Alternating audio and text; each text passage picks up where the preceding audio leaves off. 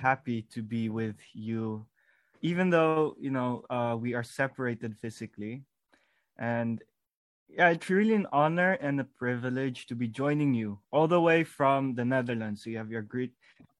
I greet you all the way here from the Netherlands, and um, I'm glad, even despite the circumstances that we have, we are still capable of joining each other uh, in worship.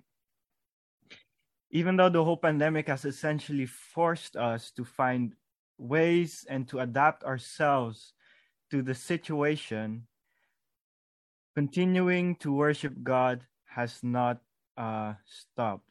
And we are capable of doing that with this platform. So I'm glad and thankful for this opportunity to be with you uh, today. And I look forward in sharing the message of uh, God's word out of his word.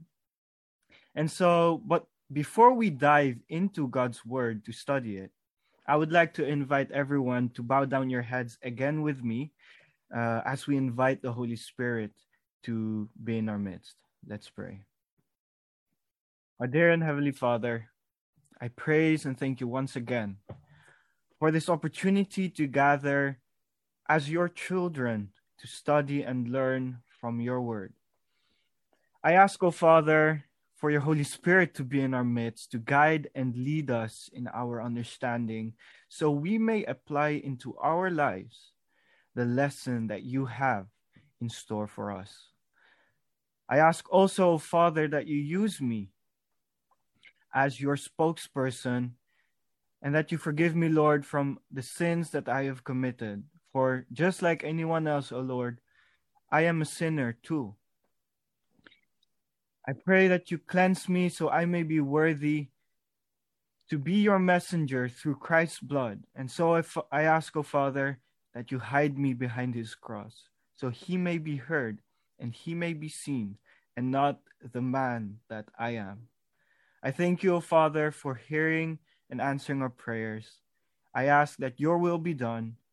This is all I ask in Jesus' name. Amen. So there's a story I'd like to share with you. It's a story of a young teenager, and um, this this teenager, he's the kind of boy, the kind of kid that easily would get distracted from what he's doing. If he's reading, maybe a thought of uh, of something comes to mind and he gets distracted from the main point and has to go back a few paragraphs to to understand what he's reading about. Or when he's he is uh, watching something maybe a certain scene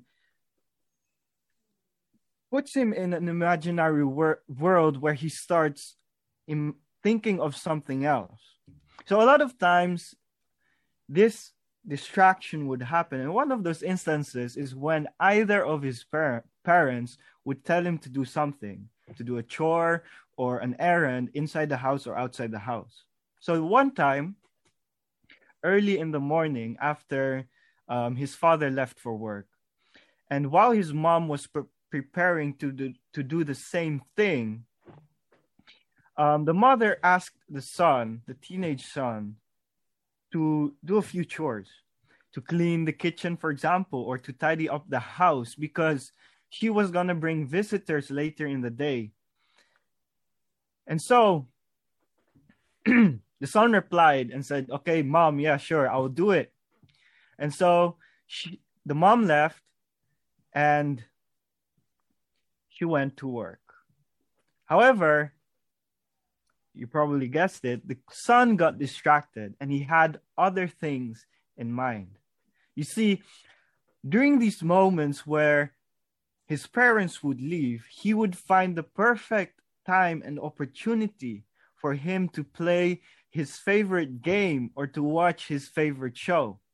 So, being so focused on what he wants to do, he decided to use the time to do what he can't do when his parents are home.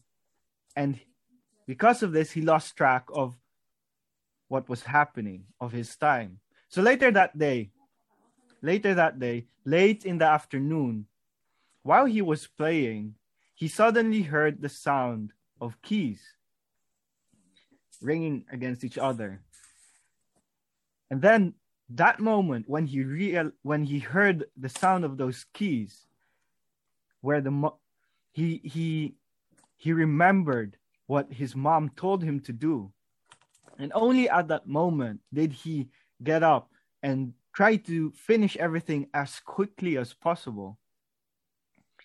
It was only that moment when his mother entered the house that he remembered what he was supposed to do so they could have visitors over. Well, quite honestly, this was me when I was in my teenage years. From my from the introduction given, I was homeschooled from a young age up to my teenage years, probably at the age of 6 till the age of 16 actually. And usually this was me when when I was alone at home trying to to do the things I wanted, and at the end, I would get distracted. Now, there's one Bible character that had not necessarily the same experience, but something similar. And today, we will essentially be reflecting on a portion of his experience that has been recorded in, in the Bible. And by God's grace, we'll learn from it simply because it involves our walk and relationship with God.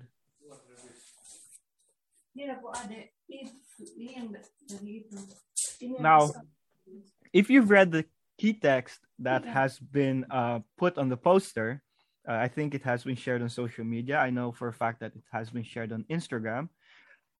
Um, that the post, uh, the text on that poster, if you've read it, you might have already guessed who I am talking about. And it's basically about Simon Peter, one of the apostles. Now, we all know him from either our own reading of scripture or from stories that we used to listen to as a child. Who was Peter? Now, most of us know he was a fisherman who was called to follow Christ. And later, he became one of the 12 apostles who continued the gospel work after Christ ascended to heaven and he led the, the early church, the early Christian church in Jerusalem specifically. If you take time to study the book of Acts, or if you've done that already, then you'll know that Simon Peter was a bold proclaimer of the gospel. One example would be when, when the Holy Spirit um, landed on their heads in the form of fire. He was also a miracle worker, an authoritative figure in the early Christian church, the first missionary to the Gentiles, and a missionary to the Jews outside of Jerusalem. Nothing much really has been revealed in the New Testament about Simon Peter before his calling. Before his calling to follow Christ, but what is certain is that he was not always the man that he is revealed to be in the book of Acts a proclaimer of the gospel, a miracle worker, an authoritative figure in the church, or a missionary. If we if we read Mark 3:16, the the author tells us that Christ gave Simon the, the name Peter. But studying the four gospels, it is clear that he was not able to live up to the name that he received from Christ, which means, which essentially means rock or stone, originally from the Greek word petros. Christ said to you that you are Peter, and on this rock I will build my church, and the gates of Hades shall not prevail against it. Matthew 16 18. A few examples can be considered where Peter failed to live up to the name that he received from Christ. One instance was when Peter was rebuked by the Lord. Get thee behind me, Satan, was what Christ said. Another instance was when Peter fell asleep in the garden while Christ was praying. After that was when he attacked and cut off the ear of the servant of the high priest. And lastly, when he denied the Lord three times. One could say that this last experience was probably one of the major turning points in Peter's life that basically woke him up. As Christians, there are times when we tend to be like Simon Peter. Like him, we've been called to follow Christ. Like him, we also have a work to do while Christ is gone. But multiple times we stumble and we fall because of sin, because we fall short of the glory of God. The saddest part is that some of us don't realize our situation or our predicament and wait for a moment that will wake us up, just like in Peter's case. That wake up call for Peter happened after Christ was betrayed by Judas. But this wake up call was predicted by Christ during the Last Supper. Let's read this together. Open your Bible with me if you have it with you electronically or physically. I would like to invite you to open the to the book of Matthew 26 and we will start from verse 30. From verse 30, that's where we'll begin and we'll slowly build up, work up our, our way to the main text. So Matthew Matthew 26 verse 30 and I read Give me a sec. And I read And when they had sung a hymn and they went out to the Mount of Olives, then Jesus said to them, All of you will be made to stumble because of me this night. For it is written, I will strike the shepherd, and the sheep will be scattered. But I but after I have been raised, I will go before you to Galilee. Peter answered and said to him, Even if all are made to stumble because of you, I will never be made to stumble. Jesus said to him, Assuredly, I say to you that this night, before the rooster crows, you will deny me three times. And so Peter said to him, Even if I have to die with you, I will not deny you. And so said all the disciples. Notice this. Notice what Christ said and the response Peter gave to Jesus after he heard the prediction. Peter, he essentially went against God's word. He essentially went against what Christ said, what Christ predicted, essentially prophesied, stating that it would not happen. You know, as I read this this verse, this passage, I just wonder to myself, what went through Simon Peter's head? The way I see it, a lot of pride must have been involved for him to respond the way he did to Christ. Because Peter did not, I sorry, because Peter did say that even if I have to die with you, I will not deny you. Think about it. Could it be that Peter's that Simon Peter that could it be that Simon Peter through that he knew himself better than Christ knew him? Could it be that he knew himself Christ better than Christ did? Could it be that Peter thought of himself strong and capable of standing up for Christ in any situation that he might find himself in? Could it be that we ourselves are also like Peter in similar ways. You know, after I finished my bachelor's degree in AUP, I decided to continue my studies in IS. But I did not choose to live inside the campus for various reasons.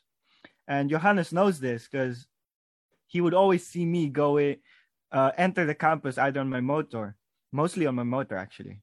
So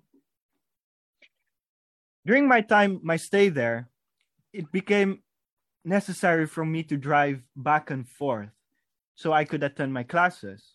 In the first few weeks of being a student, Johannes would know that I would drive there on my motor most of the time.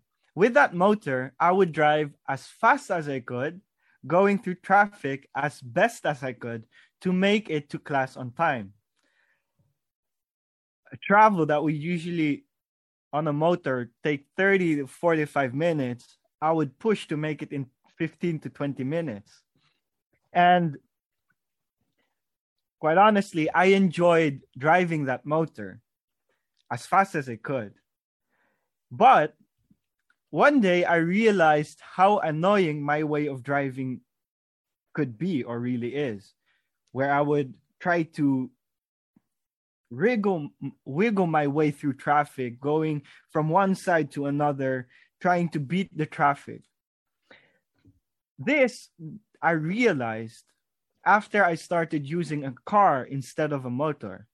From this perspective of a car driver, the way some motors drive can be annoying. And when they come out of nowhere, especially from my blind spot, surprise is unavoidable. I always thought that I know myself pretty well. However, that experience proved otherwise because I saw a part of me, I learned a part of me that would only come out in those frustrating moments when I am driving on the road. Some of you might relate to me. I'm talking about essentially road rage. Simon Peter basically thought he knew himself better than Christ did. But we know how wrong Peter was. After Christ was betrayed by Judas and was arrested in the garden, the soldiers brought him to where the high priest was, so they could put Christ to trial. During this time frame, during this time frame, Simon Peter enters the courtyard. And so let's continue reading the account of this narrative in Matthew 26, and we'll we will go and we will start from verse 69. Now, give me a few seconds. Matthew 26, verse 69, and we will read up to ver- verse 75. Our main text for this for this morning. Now I read. Now Peter sat outside in the courtyard, and the servant girl came to him saying, "You also were with Jesus of Galilee." But he denied it before all of them, saying, I do not know what you are saying.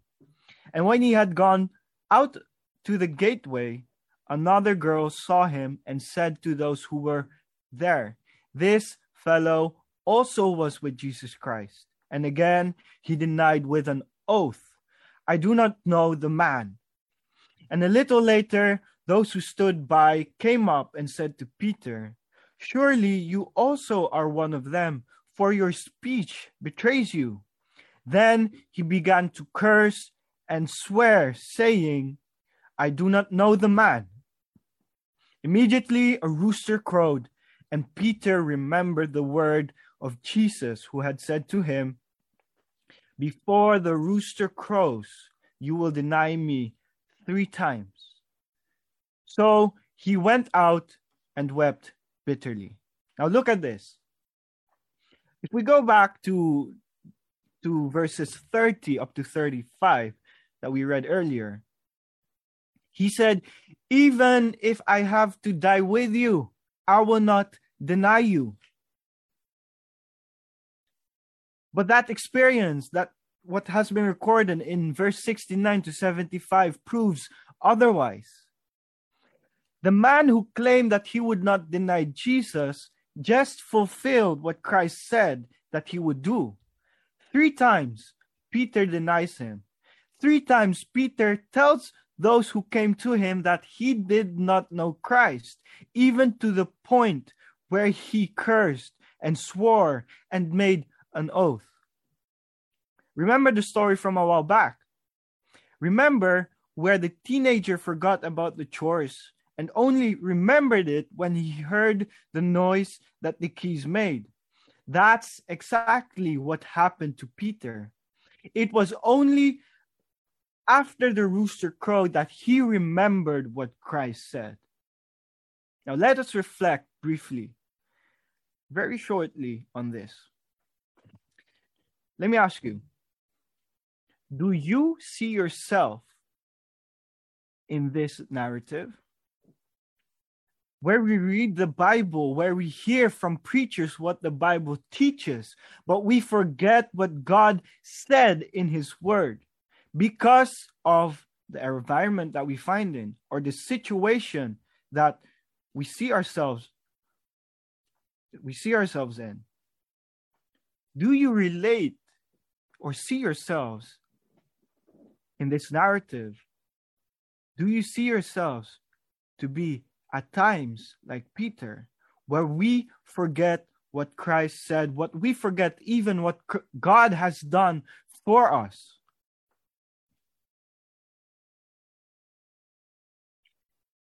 Do you relate where we give into certain situations we give in to the things of this world where we think we know better and decide to do things our way honestly there are times in my in my own life where i look and realize i see myself in a similar situation with peter there are times when I realize that I have forgotten what God has said, and I end up asking, What did God say? I for, not only do I forget what God said, but the things of this world end up being drowned out, maybe by what others say or by what others do. But there are moments too where those keys ring or when the rooster crows, and I am reminded of what God has said. Do you have these moments too? And how do you respond to that moment, to those moments? Peter, when he realized what Christ predicted, went out and wept bitterly. This implies that he was deeply sorry for his wrong, for what he has done. This implies a genuine repentance from his sin in the is this how we respond in moments when we have wronged God, in moments when we have forgotten what He has said or what He has done for us. You know, you know what? The be- the most beautiful part of this story is that Christ still used Peter, and Peter became one of the most devoted followers of Christ who continued the gospel work in the early stages of the church. God used a sinful man, a man, even uh, the man who denied him. He used those experiences in that man's life and taught him a life changing lesson. Now, what was the result? John 21, verse 15 to 17 shows this.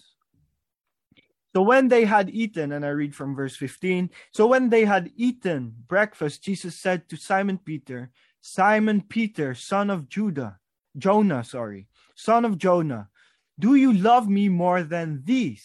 And he said to him, Yes, Lord, you know that I love you. He said to him, Feed my lambs. He said to him again, a second time, Simon, son of Jonah, do you love me?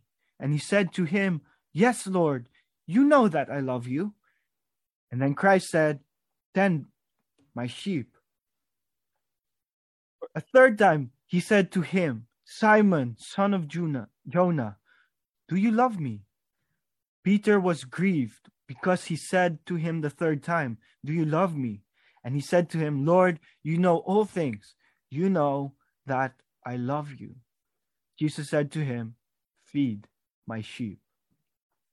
Just like Peter, God wants us to use us to feed his sheep. But this will be difficult if we don't study God's word, if we don't allow Him to work in us, if we don't take the initiative, the first, the step to grow closer to Him genuinely in love, in a loving relationship.